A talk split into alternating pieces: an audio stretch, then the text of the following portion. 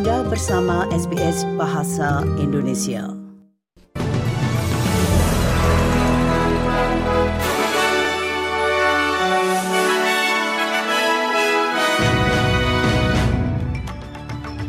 Berita terkini untuk SBS Audio Program Bahasa Indonesia untuk Senin 4 September 2023.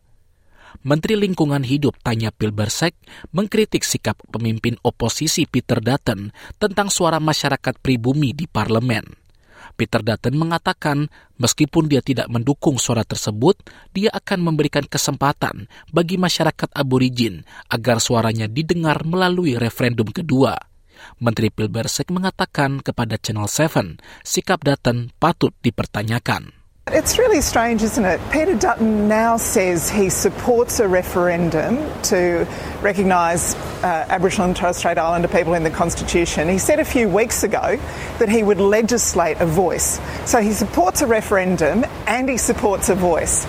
Why wouldn't he just get on board? We've now got a proposal right now before the Australian people. It's come from years of consultation. Senator Partai Nasional Bridget McKenzie menyerukan penyelidikan atas keputusan pemerintah federal yang menolak penerbangan tambahan untuk Qatar Airways. Senator McKenzie telah secara resmi meminta dokumen yang berkaitan dengan keputusan Menteri Transportasi Catherine King yang dirilis ke publik. Langkah untuk memblokir 21 penerbangan tambahan mendapat sorotan setelah terungkap bahwa Qantas melobi pemerintah untuk melakukannya sebelum membukukan rekor laba 2,5 miliar dolar selama tahun keuangan 2022-2023. Senator McKenzie mengatakan penerbangan tambahan ke Qatar berpotensi mengurangi harga tiket pesawat dan meningkatkan industri pariwisata Australia. Australians want an aviation industry that is affordable, that's reliable, and that is safe. And right now, that's not what they're getting. We need to get to the bottom of it because heaven knows the Labor Party doesn't know what to, it's doing with aviation. Para aktivis kesejahteraan anak telah meminta pemerintah federal untuk mengadakan pertemuan puncak mengenai cara terbaik untuk melindungi anak di bawah umur dari pelecehan dan eksploitasi. Asosiasi Nasional untuk Pencegahan Pelecehan dan Pengabaian Anak telah memanfaatkan peluncuran resmi Pekan Perlindungan Anak untuk menyerukan pertemuan meja bundar melalui surat resmi kepada Perdana Menteri Anthony Albanese. Ketua Eksekutif Asosiasi, Lisa Waters, mengatakan diperlukan lebih banyak perhatian karena tiga dari lima atau 60 persen warga Australia pernah mengalami setidaknya satu bentuk penganiayaan di masa kanak-kanak, baik fisik, emosional, seksual, kekerasan dalam rumah tangga, atau penelantaran.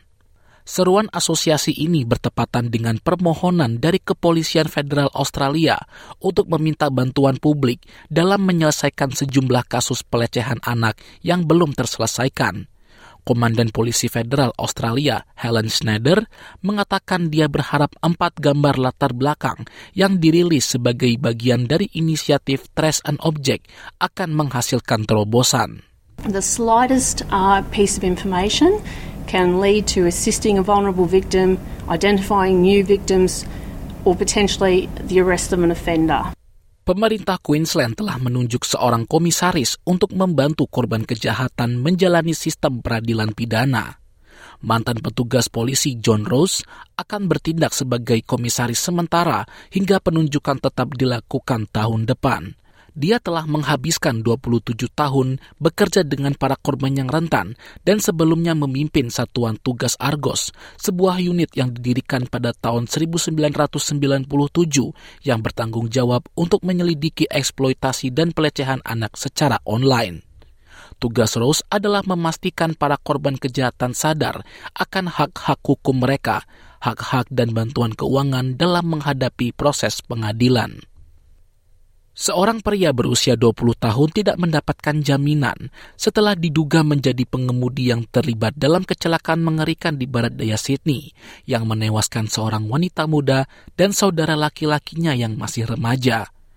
Layanan darurat dipanggil ke Sadelair Avenue di Hackenberg sekitar pukul setengah 10 malam pada hari Jumat 1 September untuk menemukan pasangan tersebut terjebak di dalam Toyota Eco setelah mereka ditabrak oleh sebuah Mercedes yang diduga melaju dengan kecepatan tinggi di sisi jalan yang salah.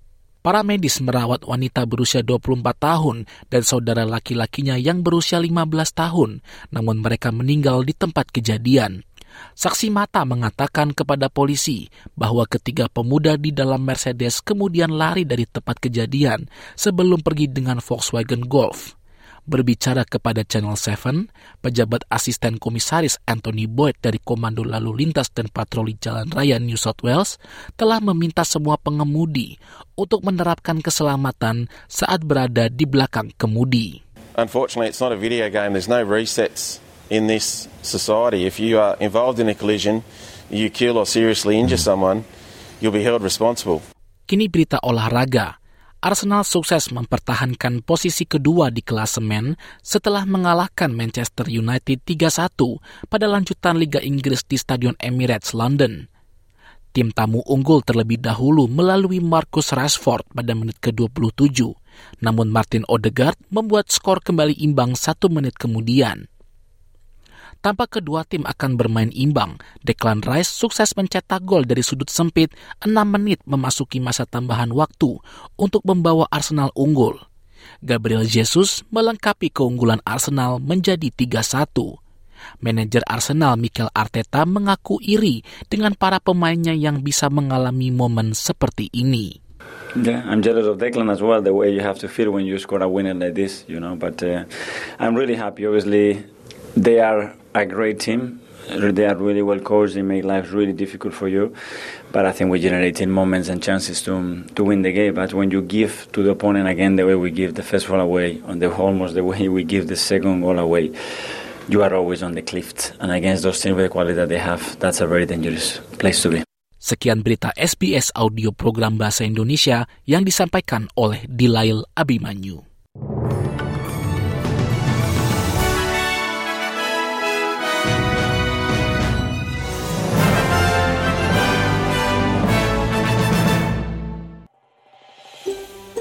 Anda ingin mendengar cerita-cerita seperti ini?